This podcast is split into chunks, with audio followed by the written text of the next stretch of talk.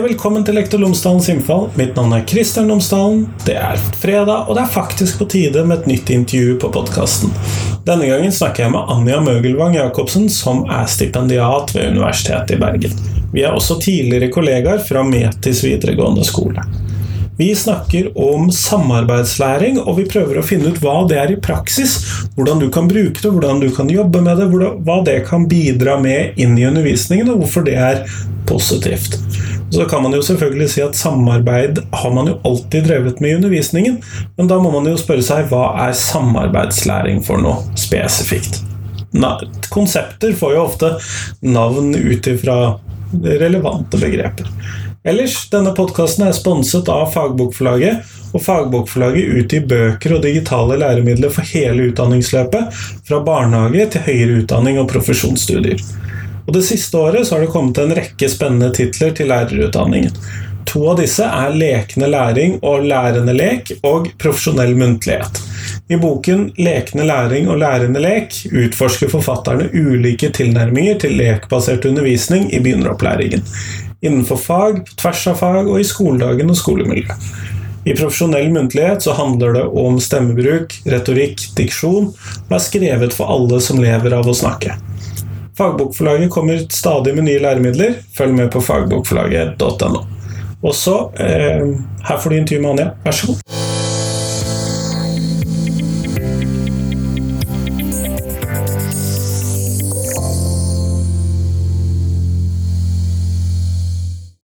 Anja Møgelvang, tusen takk for at du har tatt deg tid til meg i dag.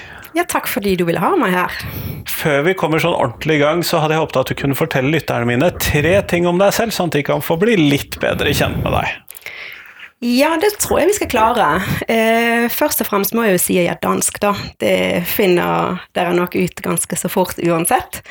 Eh, men jeg har bodd nesten like lenge i Norge som jeg bodde i Danmark. Og eh, nettopp blitt norsk statsborger, i tillegg til dansk, da, selvfølgelig. Men, eh, Gratulerer. takk. Eh, stemmerett eh, for første gang på, på 20 år, så det er ikke verst.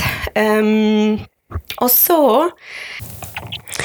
ja, og den andre tingen jeg kan fortelle, det er at jeg i bunn og grunn har brent for og jobbet med utdanning. Slik at når jeg var ferdig med videregående, så dro jeg rett til Gran Canaria, der jeg jobber eh, på et flyktningesenter for unge afrikanske flyktninger.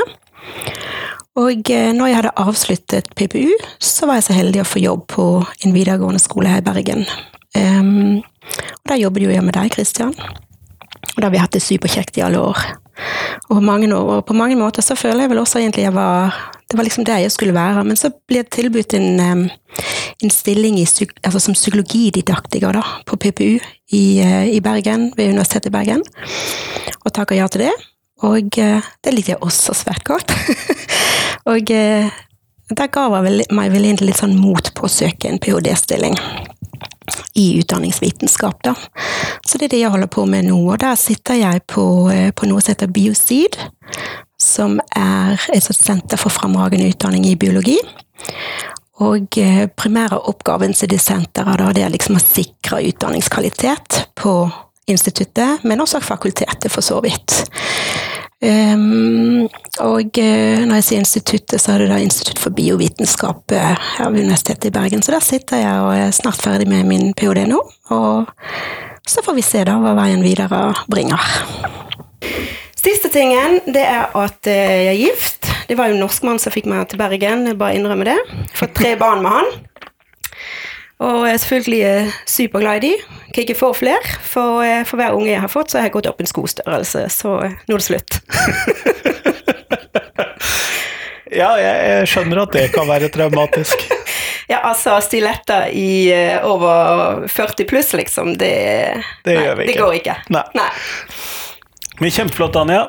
Vi skal snakke om samarbeidslæring i dag. Og hva er samarbeidslæring? Samarbeidslæring er faktisk en av de eldste og mest dokumenterte formene for, eh, for gruppearbeid. Og eh, det er primært utviklet av to brødre i Minnesota i USA. Eh, David og Roger Johnson. Så hvis man leser noe om gruppearbeid og kommer over Johnson Johnson, så er det ganske sikkert samarbeidslæring det er snakk om. Og Samarbeidslæring det er en veldig sånn, bevisst og høystrukturert tilnærming til eh, gruppearbeid. Og disse her strukturene, de er, det er noe man må legge til rette for i forkant. Så det er liksom ikke bare å sette elevene sammen i gruppe, og så gi dem en oppgave og håpe på at magiske ting skjer. Eh, disse strukturene må derimot styres av fem prinsipper som er helt sånn grunnleggende for samarbeidslæring. da. Nettopp, men da må vi jo vite hva er disse fem prinsippene, fordi at eh, det tror jeg trenger, da. Ja, og eh, de fem prinsippene Altså, det er ett av disse som er helt sånn grunnleggende eh, for samarbeidslæring, og derfor tenker jeg må starte med den. Og det er gjensidig positiv avhengighet. Og det oppnår man gjennom å strukturere både selve gruppen og oppgaven og målet på måter som gjør at gruppemedlemmene blir positivt avhengig av hverandre, og at det derigjennom bidrar til at de jobber sammen for å nå dette målet. Da. Nummer to det er individuelt og felles ansvar for læring. Og det går rett og slett ut på at ingen får være gratis passasjer, og at alle er medansvarlig for å lære seg stoffet og for at gruppen når målene sine. Det tredje det er læringsfremmende interaksjon. Og Det kjennetegnes ved at gruppemedlemmene de kommer med konstruktive innspill til løsninger, og at de drøfter begreper, teorier, faglige utfordringer osv. Det kjennetegnes også ved at de støtter og oppmuntrer hverandre, roser hverandre. Eh, men også at de utfordrer hverandre gjennom å be sine medelever eksempelvis forklare en påstand eller argumentere for et, et standpunkt. Da. det fjerde det er sosiale ferdigheter. Og der tenker man i samarbeidslæring at det er viktig at det er spesielt sånn fire sånn grunnleggende ferdigheter som elevene blir trent opp i. Og uh, det er kommunikasjon, beslutninger, ledelse og konfliktløsning. Og uh, hvis det skal trenes opp, så betyr det jo også at at elevene på en måte må bli kjent. De må kommunisere konstruktivt i gruppene. De må trene på det vi kaller for konstruktiv rolleatferd. Og så må de respektere, akseptere hverandre. Og så må de faktisk bli i stand til å håndtere uenighet og løse konflikter. Eh, det siste det er prosessvurdering og refleksjon. Og det er der elevene skal reflektere over de læringsstrategiene som de tar i bruk i gruppen, men også selve samspillsprosessen. For der, på den måten så blir de i stand til å eventuelt endre strategier som ikke fungerer optimalt, eh, men også rette inn på samspillsprosesser som ikke nødvendigvis blir konstruktive. Og det som er viktig, det er at de blir i stand til å gjøre det både hos seg selv, men også hos gruppemedlemmene. Da. Og eh, forhåpentligvis så vil det også bidra til at de etter hvert vil kunne identifisere hva som er god læring og gode læringsprosesser og godt læringsresultat. Og i den forbindelse så blir det viktig at de lærer å gi hverandre læringsfremmende både tilbake- og framovermelding. Altså rett og slett skape god kultur for læring, da, dette siste prinsippet. Noen av disse punktene, prinsippene som du nå kom med, oppfatter jeg jo som hva skal vi kalle det, litt sånn Jo, men det, det var lurt. Eh, ikke potensielt litt komplisert, men eh, det er fornuftig osv. Men så f.eks. av dette her med ingen gratispassasjerer, og det er det jo ingen tvil om. Eh, -hmm. Det er jo en del gratispassasjerer mm. i gruppearbeid hvis ikke mm. man ja, jobber spesielt mye med det. Og det, her, høres det ut som det trengs noen grep for å få dette her til. For jeg oppfatter i hvert fall det som en av de vanskeligste tingene av de tingene du nevner. da. Mm, mm. Og det var noe av eh, det som jeg også selv opplevde som veldig vanskelig når jeg var lærer. Og en av grunnene til at jeg valgte egentlig dette temaet for doktorgraden min. Um, det er mange måter man kan legge til rette for å, å, å, å unngå uh, sånne uheldige gruppeprosesser. Og jeg liker å dele de litt opp i altså litt sånn generelle måter man kan legge til rette for samarbeidslæring, og litt mer sånn spesifikke. Jeg vet ikke, Skal vi ta de generelle først? Vi tar eller? de generelle først. Ok. Altså, det første er jo at hvis man som lærer skal ivareta disse prinsippene for samarbeidslæring, så må man jo ha gjort seg noen tanker om hvordan, eh, hvordan hele dette gruppearbeidet skal foregå. Um, og noe av det man kan da ha fokus på på generell basis, det er ok, når de er i gruppene, hvordan kan jeg sikre lik deltakelse, likt ansvar, og samtidig oppholde læringstrykket. Og der kan et helt sånn konkret eksempel være at oppgaven på forhånd må være formulert på en slik måte at det er tydelig både hva som skal gjøres, hvordan det skal gjøres, og hvem som skal ha ansvar for hva. Så opplever jeg også eh, at eh, det er mange som, som, som legger vekt på dette med tidsramme. At det er veldig tydelig at man stykker arbeidet opp i, i bolker og setter en tidsramme på det. Og til sammen så kan sånne grep gjøre at elevene vil komme fort i gang, og at de deltar, tar ansvar og holder læringstrykket oppe. I tillegg så kan det være lurt som lærer å tenke igjennom mm, hvordan elevene da skal håndtere eventuelle konflikter, og, å respektere gjensidige avtaler. Og der foreslår mange innenfor samarbeidslæring at man lar gruppen utforme retningslinjer, egne retningslinjer, eller egentlig en gruppeavtale. Men det tar jo ganske mye mer tid også, da. Ja, det gjør det. Men jeg tenker at hvis vi er opptatt av at elevene skal lykkes med dette, og faktisk få gode erfaringer med gruppearbeid, så, så kan det lønne seg å bruke den ekstra tiden. Og så er jo det også sånn at veldig mye tar tid i begynnelsen, og så etter hvert så blir det litt automatisert. Så det kan lønne seg å bruke sette inn et sånt ekstra trykk helt innledningsvis der. Ja, for da tenker du på hele skoleår eller hele ungdomsskolen eller hele Yes. videregående? eller- Yes. Ja. Nettopp, nettopp, nettopp. Og hvis, hvis elevene skal lage sånne gruppeavtaler, så må de på en måte ha noe å gå etter. Sant? Så da kan det være lurt at vi viser de eksempler på hva en sånn gruppeavtale kan inneholde, men det er et veldig viktig poeng at det er elevene som utformer den selv. For det skaper eierskap og forpliktelse, en gjensidig forpliktelse til gruppeavtalen. Og så er det selvfølgelig også viktig at vi som lærer gjennomleser den gruppeavtalen i etterkant. Er den liksom innafor? Eh, trenger den noen justeringer? Og så beholder man selvsagt et eksemplar til seg selv, fordi så gjør det jo også veiledningsprosessen i gruppen mye enklere for oss lærere, for så vet vi hva gruppen har blitt enige om, sant? og hva vi kan forvente av dem. Ellers så, hvis elevene skal kunne reflektere over egen arbeids... eh, eller egen læringsprosess og, og, eh, og, og slik, så er det også viktig at de blir trent opp på å gi hverandre litt sånn tilbake- og framovermeldinger.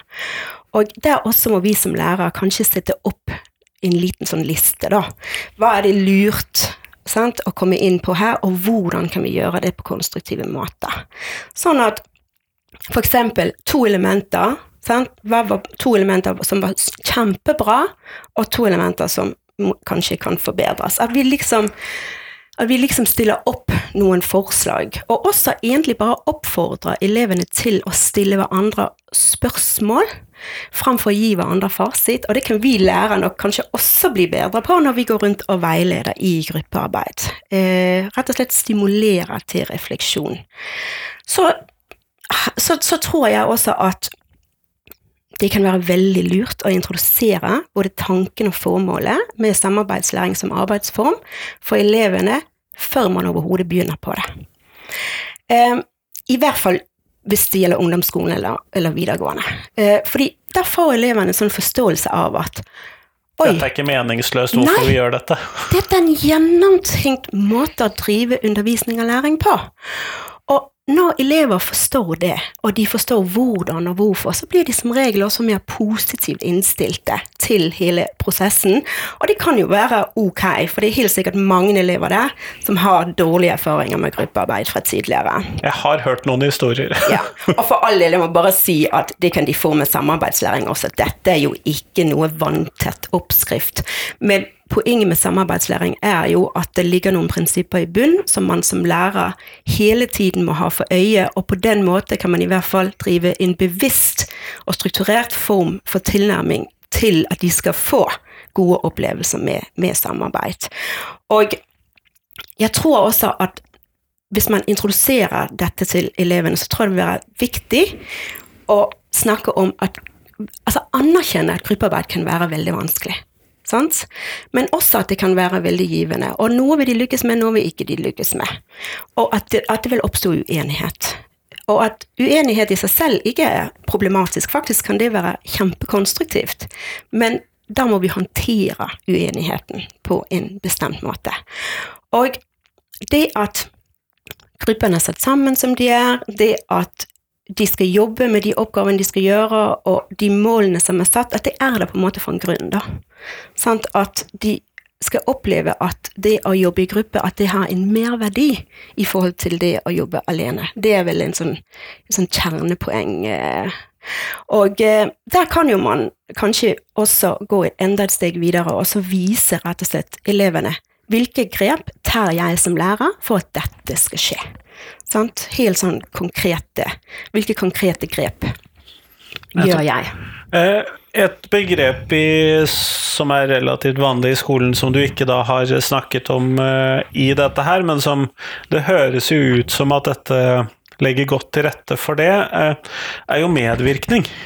Og det har jeg ikke hørt deg nevne, men det fremstår i dette som at medvirkning, eller tanken om medvirkning, står ganske sterkt i samarbeidslæring. Absolutt. Absolutt. Um, både i for, Altså, fordi dette her med at det er høystrukturert, og at læreren tenker gjennom veldig mange ting på forhånd, gjør jo ikke at elevene ikke skal få velge veldig mye selv. Um, sånn at uh, når vi kommer inn etter hvert på strukturer for hvordan man kan legge til rette for dette, så tror jeg det vil bli tydelig at elevene står ganske sånn fritt til å komme med, komme med, med forslag og få eierskap til, til, til samarbeidet i gruppen. Hvis vi skal snakke litt sånn konkret om hva man kan gjøre for å legge til rette for samarbeidslæring. Nå har vi snakket litt sånn generelt, Generelt, ja. sant? Så det var mitt neste spørsmål. Ja, riktig. Bra. Um, altså, det kan man Her er det utrolig mye i litteraturen om samarbeidslæring. Jeg tenker at jeg skal ta opp to sånn hovedpoeng i dag. Og det ene har med gruppene å gjøre, og det andre har med disse her strukturene. Nettopp, nettopp. Um, man kan jo kanskje starte med gruppene. Det er helt opp til deg. Altså, I samarbeidslæring så tenker man at størrelse er ganske viktig for å lykkes. Um, man vektlegger at gruppene skal være relativt små. Tre til fem elever. Fire er ofte det optimale, sier man. Og det er det rett og slett fordi at i mindre grupper så er det mye vanskelig å bli gratispassasjer. Sant? Det blir vanskeligere å ikke bidra. Det blir veldig synlig når man ikke bidrar. Men samtidig så er fire nok til at man kan få fram ulike stemmer, ulike perspektiver. Eh, I tillegg så er fire også nok til at det kan oppstå god og konstruktiv dialog om arbeidsoppgavene. Og det er kanskje også enklere å komme til enighet, fordi at selv om vi har snakket mye om konflikthåndtering og uenighet, så er jo det også viktig at man kommer til enighet på et tidspunkt. Sant? Blir enige om hvor, hvilken vei skal vi, skal vi gå, og hva skal dette munne ut i. Og det er jo klart at hvis ikke gruppen er for stor, så er det også enklere å oppnå enighet. Det er også enklere å få et overblikk over hva man selv bidrar med, og hva andre bidrar med.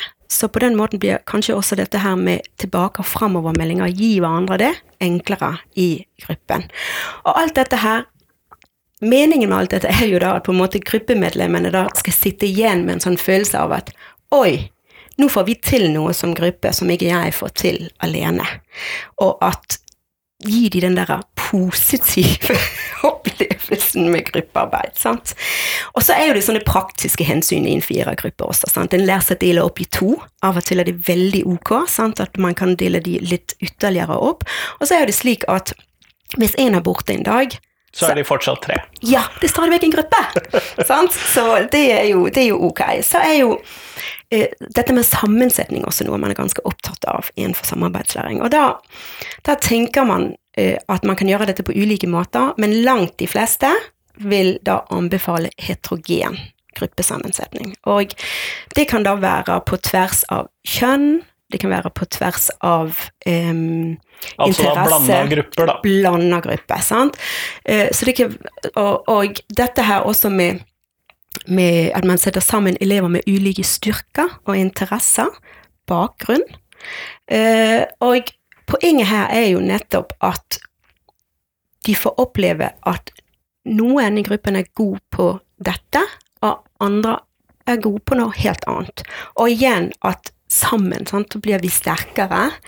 Og så er det jo også dette med at ulikheter utfordrer. Og det er vi jo litt sånn opptatt av innenfor samarbeidslæring. At det der med at det skaper rom for nye perspektiv, motvirker konformitet, eh, fremmer aksept og forståelse, eh, og på den måten så vil også ulikheter på en måte fremme sosiale ferdigheter, og det er noe de må trenes på, fordi at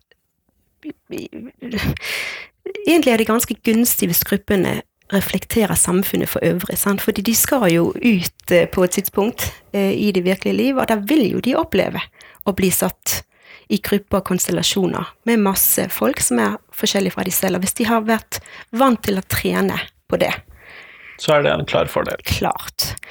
Em, det siste jeg vil si når det gjelder dette med grupper, det er varighet på gruppene.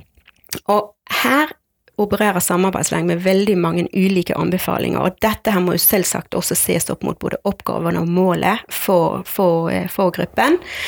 Um, nå ligger jo min forskning mest i høyere utdanning, og fra min egen forskning så har jeg sett at grupper som varer over tid, fungerer best. Og um, rent teoretisk så kan det være mange grunner til det. Um, hvis man er del av en gruppe over lengre tid, så forplikter det. Det gjør det vanskelig å vike unna. Det er ikke bare for to timer på en fredag ettermiddag. Nei, nei. Og, men samtidig så skaper det også trygghet, tilhørighet og kultur. Sånn, hvordan vil vi ha det i vår gruppe? Det, det, det, det er ganske godt å komme til noe sånt når du går på skolen. Um, så presser det også litt gruppen til å håndtere den der uenigheten vi har vært mye inne på. Sant? Fordi at eh, man kan ikke bare gå hvert til sitt. sant? Og så gir det rammer for sånn systematisk læringsarbeid over tid. Uh, åpner opp kanskje også for en annen type refleksjon, når den tryggheten og de utfordringene på en måte får sette seg.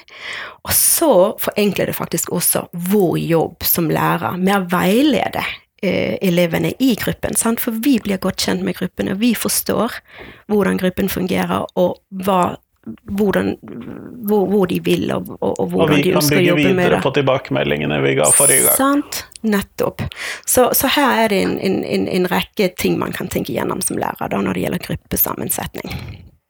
Nettopp, nettopp. Men hva med disse strukturene, de nevnte du i stad? Ja, altså egentlig så er de kanskje det aller, aller, aller viktigste innenfor samarbeidslæring. Um, og kort fortalt så er strukturer det er på en måte sånn innholdsfrie strategier som både ivaretar disse prinsippene på den ene siden, og på den andre siden fungerer som en sånn slags oppskrift for hvordan elevene kan jobbe med stoffet. Og her finnes det ørten muligheter. Så hvis man, eh, hvis man eh, googler samarbeidslæring eller cooperative learning eh, på engelsk, eller går til sitt nærmeste bibliotek, så vil man altså bli fòret med forskjellige strukturer man kan anvende i, eh, i undervisningen sin. Og, og for meg eh, så altså Jeg tenker at det vil jo være veldig ulikt både om man, hvilke strukturer man bør velge, eller har lyst til å velge. Sant? Er, du på, er på barnetrinnet, er du på mellomtrinnet, er du på ungdomstrinnet, er du på videregående, eller som jeg har vært, i høyere utdanning. Eh, fag kan helt sikkert også spille inn på hvilke strukturer som gir mest mening å bruke. En struktur som eh, jeg kan nevne, fordi jeg har selv jobbet med den på, eh, på, eh, i min forskning på universitetet, det er jigsaw, eller puslespillmetoden. Jeg vet ikke om jeg trenger å forklare Tror du Christian, at de fleste lærere vet hva det går ut på? Det er en ganske kjent metode, men jeg tror ikke mange er klar over hva den egentlig stammer fra Jeg, samarbeidslæring. jeg eh, forstår ikke begrepet som begrep, i Nei, hvert fall. nei, men så flott. Uh, altså, puslespillmetoden, det er rett og slett det at man tenker at hver gruppe, som da eksempelvis består av fire elever, skal på en måte bli ekspert på hver sin bit av et puslespill. Og uh, dette her er utrolig anvendelig, for veldig mye lar seg dele opp på fire. Om det da er et langt kapittel som skal leses, om det er eh, fire ulike begreper, eh, om det er fire arter i biologi, whatever. Eh, der kan man som lærer enten velge å fordele disse fire eh, puslespillbitene ut på gruppen, eller gruppen enda bedre kan velge selv. For det de da skal, det er at de skal bli ekspert på hver sin del. Og eh, for å bli ekspert, så må de gå inn i ekspertgruppe. Så det vil si at dette puslespillet brytes opp i fire biter, og så går puslespillbit A til et annet puslespill, altså en ekspertgruppe, Altså A-ene. Alle som sitter rundt det bordet, eller i det breakout-rommet, for jeg gjorde dette her digitalt, de har da valgt eller blitt tildelt akkurat den biten av puslespillet som de skal bli eh, ekspert på. Vi skal undersøke elefanten. For eksempel, for eksempel. Og her, alt etter hvor mye tid man har, og igjen hva man ønsker å oppnå, og hvor gamle elevene er, så kan man jo enten som lærer legge opp til at de allerede skal ha gjort ganske mye forarbeid. De skal på en måte ha blitt litt eksperter på dette på egen hånd, som en lekse. Og så med en gang de kommer på skolen, så skal de i ekspertgruppene. Og så skal de på en måte sammenligne sin ekspertforståelse med de andre i gruppen, for da å se har vi forstått dette riktig, og hvordan vil vi lære dette bort til de andre i hjemmegruppen vår etterpå. Alternativt kan man jo også la de bli eksperter sammen i ekspertgruppen. At de ikke har noe forkjennskap til temaet overhodet, men at de sammen i ekspertgruppen utvikler den kunnskapen. Men poenget er at de da skal tilbake til hver sin egen eh, hjemmegruppe igjen. Så skal de lære bort dette her til de andre i gruppen. Og når da alle fire har gjort det, så skal jo da puslespillet være lagt på en måte. Der er det fryktelig viktig at der kommer et sånt ekstra steg. Sant? Det må, dette må føre til et produkt, det må bli en syntese av dette her. For ellers så vil hver enkelt elev sitte med veldig mye kunnskap om sitt eget, og en sånn generell forståelse av det andre. Dette vet vi jo når vi jobber med stoff, sant. Og da følger man ikke så mye med, f.eks., hvis ikke man må gjøre noe. Nettopp. Og sant, så, så ser du hvordan dette her er måter hvor at man både er avhengig av hverandre, men også forplikter, hver- forplikter hverandre. Hvordan man trener på å snakke, reflektere osv. Så, videre, og så, videre. så det, og akkurat den metoden der har jeg som sagt brukt på universitetet, så jeg tenker at det ikke er barnslig å strukturere samarbeid. fordi det var en sånn, det var et sånt spørsmål jeg fikk litt på universitetet. Ja, men tro det er voksne mennesker, dette her. Klarer de ikke å strukturere seg selv. Sant. Men så vet vi jo veldig godt at når vi blir satt i grupper, så, så, så, så, så er det vanskelig sant? å få, få ting i gang hvis ikke det ligger et rammeverk der. Um, jeg kan bare kort nevne en sånn annen struktur også, som jeg vet er veldig mye brukt. Jeg har ikke selv erfaringer med den, faktisk, men det er dette med roller. At eh, man enten tildeler hver eh, gruppemedlem en rolle, eller at de tar en rolle selv. Og Eksempler på rolle det kan jo da være prosessleder, det kan være sekretær, det kan være faktasjekker, det kan være djevelens advokat. Igjen vil dette bero på oppgaven de jobber med, fag osv. osv. Eh, og igjen så vil jo det gjøre at de blir veldig avhengig av hverandre, men også at de til sammen At det gir en merverdi å jobbe i gruppe. Det som er veldig viktig hvis man jobber med roller, det er at man sørger for at rollene roterer innimellom. Fordi det er nok noen roller som vil bli oppfattet som viktigere enn andre. Prosessleder f.eks. høres jo kanskje litt finere ut enn sekretær. Det er jo sjef. Ja. Og der er poenget at det er rollen som er viktig, ikke personen som, som har rollen. Sant? Så ved at rollene roterer, så er det heller ingen gruppemedlemmer som blir viktigere enn en andre. Um, samtidig så vil jo også det at, at, det roterer, det vil jo gjøre at de, blir, at de får utviklet mange forskjellige ulike ferdigheter, og også uh, motvirke at noen får bestemme eller styre for mye i gruppen, og at alle bidrar ganske likt. Eh, men som sagt, det finnes ekstremt mange strukturer. Det er bare å foreta et uh, lite internettsøk eller gå på biblioteket. Uh, men hvis dere søker på engelsk, så søk cooperative learning, ikke collaborative learning, fordi det er noe helt annet. Ja, det er jo en viktig forskjell. Veldig viktig. Men når du da har sett på dette her i uh, forskningen din, så har jo du da sett på noen litt større elever. Ja. Men det høres ut som eh, det kanskje var en større frykt for at dette ble for barnslig, heller enn at eh, ja. uh, dette er noe som småbarna ikke kan. Ja, og, og også fordi at eh, samarbeidslæring har jo egentlig opphav i skolen, og spesielt grunnskolen. Eh, så eh, det er eh, egentlig ikke så mange år siden at det fant vei inn på universitetene og høyskolene. Og eh, kanskje, og fordi det er også en metode som er utviklet i USA, så har det gjerne tatt enda lengre tid igjen før den har kommet hit. Og det var jo noe av det jeg oppdaga i forskningen min, det var jo at det fantes jo omtrent ingen forskning på samarbeidslæring innenfor den populasjonen som jeg har undersøkt i min doktorgrad, som, er, som da er studenter i høyere naturvitenskapelig og matematisk utdanning. Sant? Så, så, så så jeg ble vel kanskje møtt med litt sånn skepsis. Ja, men dette fungerer i skolen også.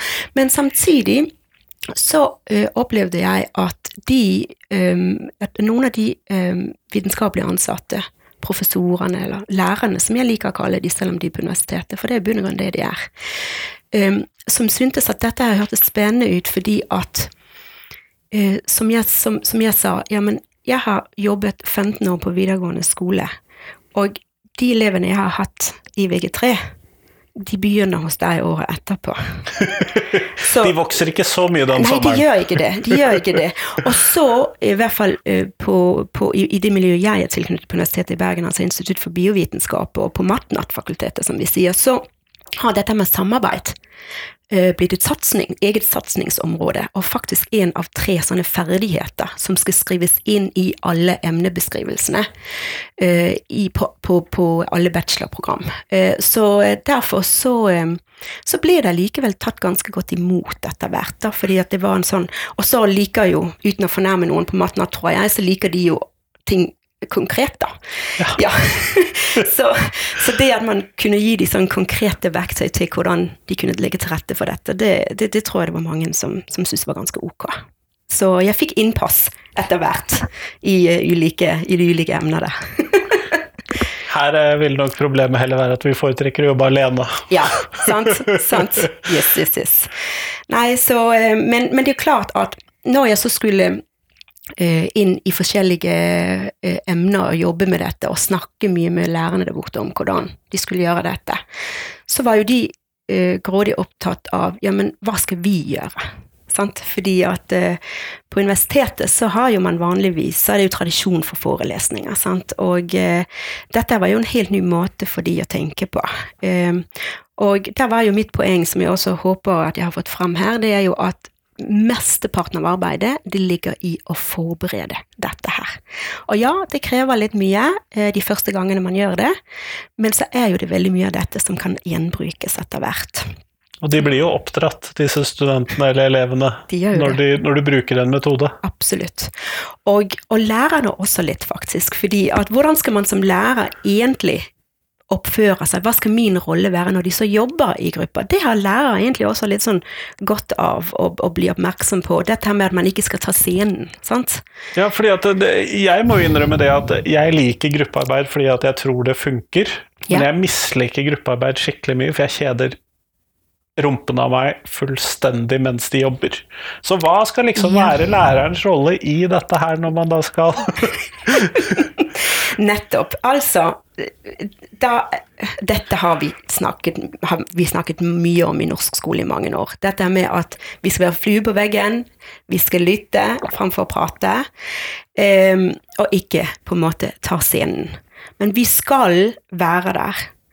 Og når vi går rundt, hvis vi skal blande oss, og det skal vi, og det skal vi også oftere kanskje enn vi umiddelbart tror, i hvert fall innledningsvis, så vil det være veldig viktig at vi stiller spørsmål framfor å gi fasit.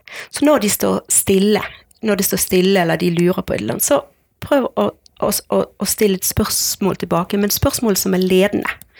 Eh, Fordi at når elevene opplever at de selv finner svarene, så gir det et skikkelig boost, og det også skaper den der gode gruppefølelsen som vi er ute etter. Så må vi heller ikke være redd for å, å slå ned på feillæring. Så hvis vi opplever at nå er det desidert feillæring på gang, så må det jo selvsagt stoppes. Um, og der igjen er det selvfølgelig viktig at vi gjør det på en litt sånn lur måte. Og det kan vi igjen være stille spørsmål. Ja, men hvorfor det, da? Hvorfor? Ja, men gir det mening i forhold til dette som står her i boken, og, og så prøve å få det sånn at det ikke blir flaut, på en måte, å ha forstått noe feil. Så tror jeg også at det er veldig viktig at man får identifisert disse såkalte stille elevene. Det er altså noen i et gruppearbeid som er mer stille enn andre. Men de sitter jo vitterlig og jobber med noe. De har fått en ganske sånn klar struktur å jobbe ut ifra. Vi har gjort oss masse tanker om hvordan gruppen skal se ut. De vet ofte svaret. De har ofte masse å komme med, så ikke være så redd for å spørre den der stille eleven. Men du, da? Hva tenker du om dette? Og så er det også veldig viktig at vi har disse her gruppeavtalene. Hvis gruppene har, har skrevet sånne gruppeavtaler, har de litt på lur. Og så sammenligne litt, sant? Ja, men gjør gruppen det? Overholder de sine egne avtaler nå? Og hvis det er uheldige gruppeprosesser på gang, så stopper det Trekk fram den der avtalen, vis til sånn og sånn, hvordan stemmer det overens med det dere holder på med nå? Og la de på en måte finne tilbake selv.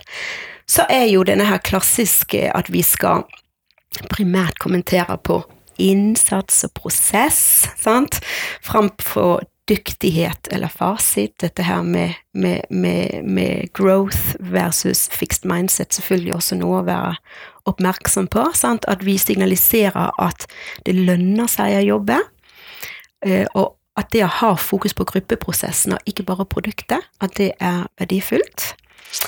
Um, og så tror jeg det er veldig viktig at man eh, også følger veldig godt opp i etterkant. Så når gruppene da har jobbet med det de skulle jobbe med, og de mener at nå er vi i mål, nå har vi nådd målet vårt, vi har et produkt, eh, så tror jeg at det er veldig viktig at man som lærer tenker ok, ja, men da må dette produktet da må vises frem, det må presenteres, det, det, det, må, det må skje et eller annet med det produktet der.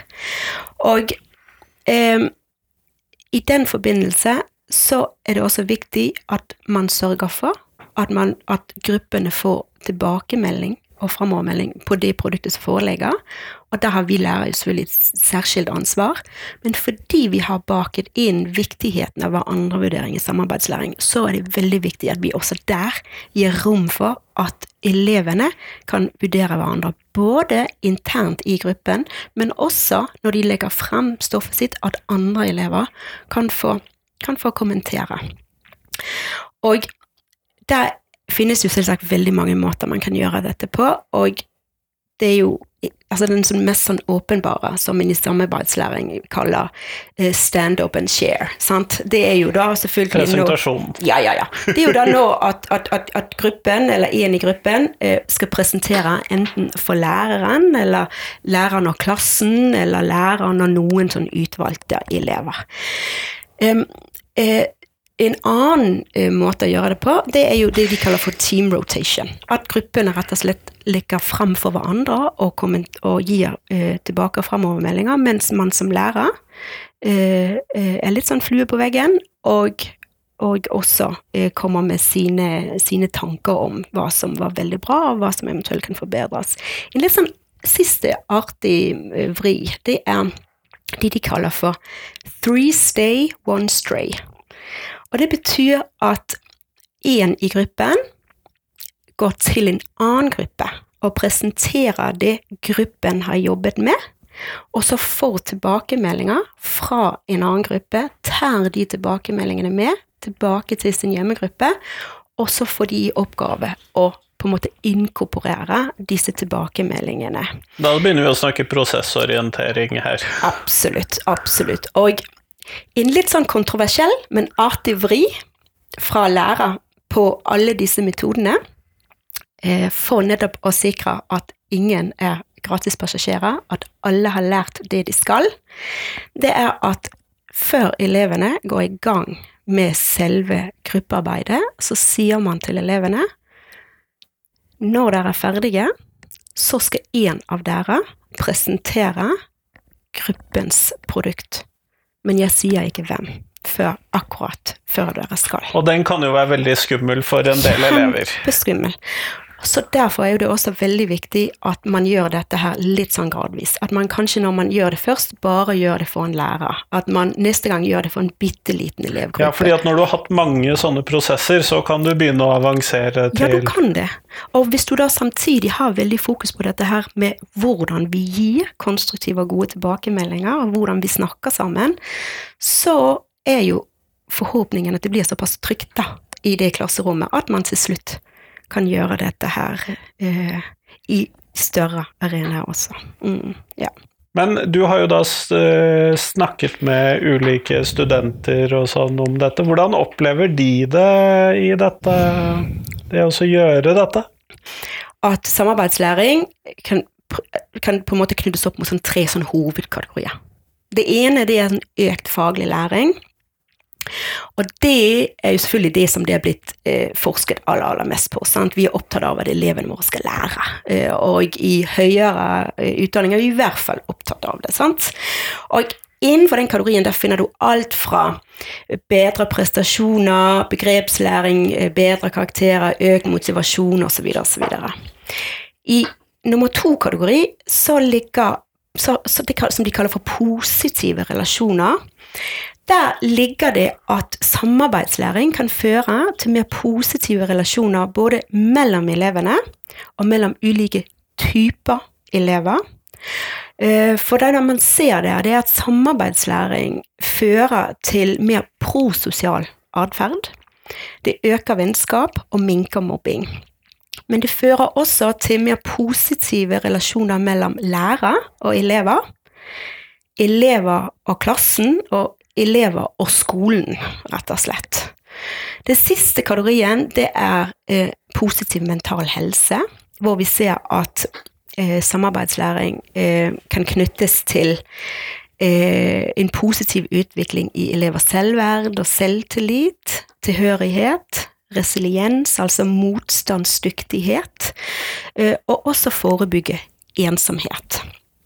Og eh, for jeg som er ikke-biolog, og pedagog i hjertet, så synes jeg at det var utrolig spennende å fokusere på mer sånn psykososiale utfall av samarbeidslæring i min forskning. Eh, både fordi at det selvfølgelig har vært fokusert så mye på læring, men også fordi at eh, jeg var jo så vidt begynt når koronapandemien traff for fullt. Og da ble jo det veldig fort klart at det som elevene og studentene slet mest med, det var rett og slett psykososiale forhold. Sant? Det var mangel på tilhørighet, det var eh, økt ensomhet osv. osv. osv. Så det ble plutselig litt sånn prekært å ta tak i de tingene der. Og kanskje, i hvert fall innenfor høyere utdanning, kanskje det egentlig er noe av det positive vi kan ta med oss fra pandemien, det er at det for første gang bli skikkelig oppmerksom på viktigheten av disse tingene her, og ikke bare på effektivitet og læring osv. osv. Og, og da gjaldt det jo sant, å finne en, en, en, en metode da, som på en måte kunne, som kunne fremme disse tingene. Og det jeg har funnet i, i, i min forskning, det er at eh, når vi da har innført samarbeidslæring, og dette skjedde eh, midt i koronapandemien, hvor det var heldigital undervisning. Så vi, det vi gjorde, det var at vi først hadde eh, fem uker med vanlige digitale forelesninger. Så hadde vi fem uker med digital samarbeidslæring, og så hadde vi igjen fem uker med forelesning. Og det vi så, det var at det var en ikke bare en signifikant forbedring når det gjaldt studentenes oppfatninger til tilhørighet og faglig trygghet, og, og også eh, mindre ensomhet, men at effektstørrelsen på disse, på disse signifikante forskjellene var helt enormt stor. Det er jo ganske spennende. Det er veldig spennende, dette, dette, for dette kan indikere ganske, eh, ganske viktige ting. Altså dette har implikasjoner da, for hvordan vi går videre nå. fordi at um, digital undervisning er her for å bli. Eh, vi kan, og, og, det, og, vi kan godt bli enige om at, at det ikke kan altså like mye som den fysiske klasseromsundervisningen, men når den først er der, så må vi på en måte også vite noe om hva, hvordan vi kan legge til rette. For både for, selvfølgelig for god læring, men også for ja, elever og studenters trivsel. Og det jeg tenker at våre funn kan indikere, det er at psykososiale forhold er særskilt sårbare i sånne digitale undervisnings- og uh, læringssettinger. Og at effekten av samarbeidslæring For når jeg sammenlignet effekten her med tidligere studier fra vanlig klasseromsundervisning, så så jeg at våre effekter var minimum like store, faktisk større i en rekke tilfeller. Så effekten av å sette inn med, med en sånn type undervisning eh, når det er heldigitalt, eh, er tilsynelatende minimum like stor som å gjøre det i vanlig klasseromsetting. Og så er jo det selvfølgelig da altså det er jo uh, Take home message her er jo det selvfølgelig at vi varierer. altså Hvis vi, hvis vi, hvis vi skal ta studenter og elevers uh, psykiske helse, trivsel, tilhørighet osv. på alvor, uh, og da særskilt i digitale settinger som jeg har forska mest på, så må vi faktisk også ta inn over oss at vi må variere undervisningen vår, og vi må velge noen strategier som bygger opp under disse tingene, ikke bygger ned. Og det ble jo da særlig sensitivt på disse digitale settingene. Absolutt. Og det var jo altså eh, helt superfrustrert eh, når den der koronapandemien slo ned, fordi plutselig måtte jo endre hele forskningsdesignet mitt. Ja, for du hadde vel noen andre tanker ja, hvordan du ja, dette? Ja, ja, ja. Men, eh, men egentlig så ble dette her det ble ganske spennende, egentlig, fordi vi fikk gjøre forskning som faktisk ikke har vært gjort før. Uh, og uh, det er jo alltid litt gøy. Det er jo det. Ja. Og så er jo det sånn at uh, når man da forsker på noe sånt som dette, og, og, og, jeg merker det jo selv når jeg hører meg selv snakke om dette, så er det sånn ja, er det ikke veldig mye av dette her som er litt sånn common sense? Er ikke dette her ting man kan tenke seg til? Og det er det muligens. Men Samtidig så er det i hvert fall sånn at på universiteter så er vi opptatt av forskning. Og hvis det er noe vi kan bli enige om, så er det jo at forskning er viktig. Og så er det jo sånn at vi trenger jo også, Selv om ja, noe kan virke common sense, og så viser det seg at det er helt feil, ja. og noen ting kan virke common sense, og jaggu så var det riktig òg! Absolutt. Og hvis man skal ha en forskningsbasert tilnærming til undervisning på universitetene, så må vi jo faktisk drive med forskning. Og for det er altså malt med veldig bred pensel nå. Sant? Du jobber jo på universitetet selv, så er jo ikke undervisning så prioritert som forskning. Eh, det gir rett og slett ikke like mye status på universitetene. Og, og Derfor så er det viktig at vi kan vise til forskningsbaserte resultater. Sant? Fordi at forskning det er noe vi alle forstår, og det gir på en måte en form for legitimitet da, til våre, til våre sånn undervisningsanbefalinger. Det, det, er ok. Det er veldig kjekt, synes jeg, at, eh, at man kan sånn slå litt i bordet, selv overfor en sånn steinhard matematiker som sier men se her, det har faktisk noe å si om du får lese eller om du legger til rette for studentaktiv læring i gruppe. Kjempeflott, Anja. Vi går mot slutten av dette podkastintervjuet, og jeg har jo da fått meg et nytt fast spørsmål, som er jo da dette her med hvilken lærer som har gjort størst inntrykk på deg, og hvorfor. Og da hadde jeg håpet at du kunne svare på det. Ja, altså eh, jeg var egentlig veldig glad for det spørsmålet. Jeg, Kristian, synes det var utrolig kjekt spørsmål, og jeg husker at når jeg selv begynte på PPU, i tidenes morgen og skulle bli lærer, så var det noe av det vi startet med der også. Ehm, eh, og eh, fordi at disse lærerne våre har jo formet oss på veldig mange måter. Og jeg må bare starte med å si at jeg kunne nevnt veldig mange her. Jeg har hatt veldig mange gode lærere opp igjennom. Men hvis jeg skal velge én, så må det bli, og nå må jeg bare si dette på dansk, fordi at ellers så blir hun ikke hun, hvis du forstår hva jeg mener. Ja. Språk er veldig eh, betinget opp mot identitet, sant? men det er altså Lone Mesen. Lone Mesen. Lone Mesen var min eh, spansklærer i videregående. Eh, og når jeg begynte på spansk da, eh, da var det, kunne jeg et ord spansk. Eh, men det endte jo faktisk med at ikke bare begynte jeg å studere spansk etter tre år med Lone Mesen, men jeg ble jo faktisk også gymnaslærer selv. Noe? Så hun har fall, uh, hun har i hvert fall hatt en, en, påvirkning på meg. Og jeg tror at grunnen til at uh, hun gjorde så stort inntrykk på meg, det var at hun var sånn ekstremt tydelig. Uh, både i sin kommunikasjon med oss, men også sånn krav om hva som skulle læres. Um, og så gjorde hun noe som var helt sånn uh, uhørt på den tiden. Hun ga retning for læring. For den gangen dette, Nå høres jeg sånn old, old, old gammel ut. Den gangen så var det jo sånn at når du leverte fra deg skriftlig arbeid på videregående, så var, fikk du noen røde streker, og så fikk du en karakter på slutten, og så var du egentlig uh, ikke noe klokere når du begynte.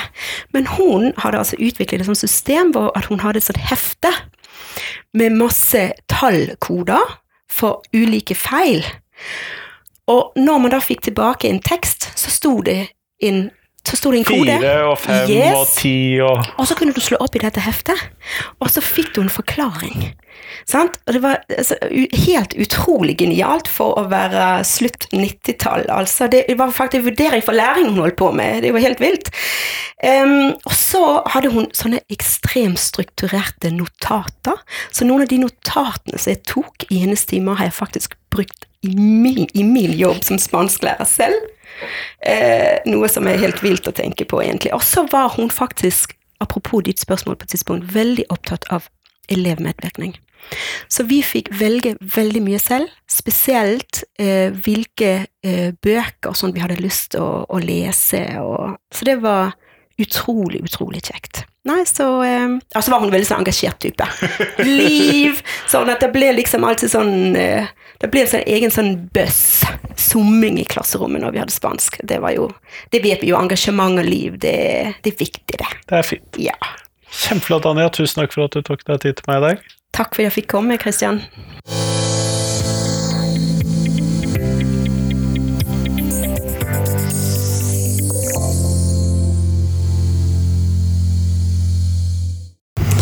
Tusen takk til Anja, og tusen takk til deg som hørte på. Nå trenger du bare å vente fram til tirsdag, så kommer det et nytt intervju på podkasten.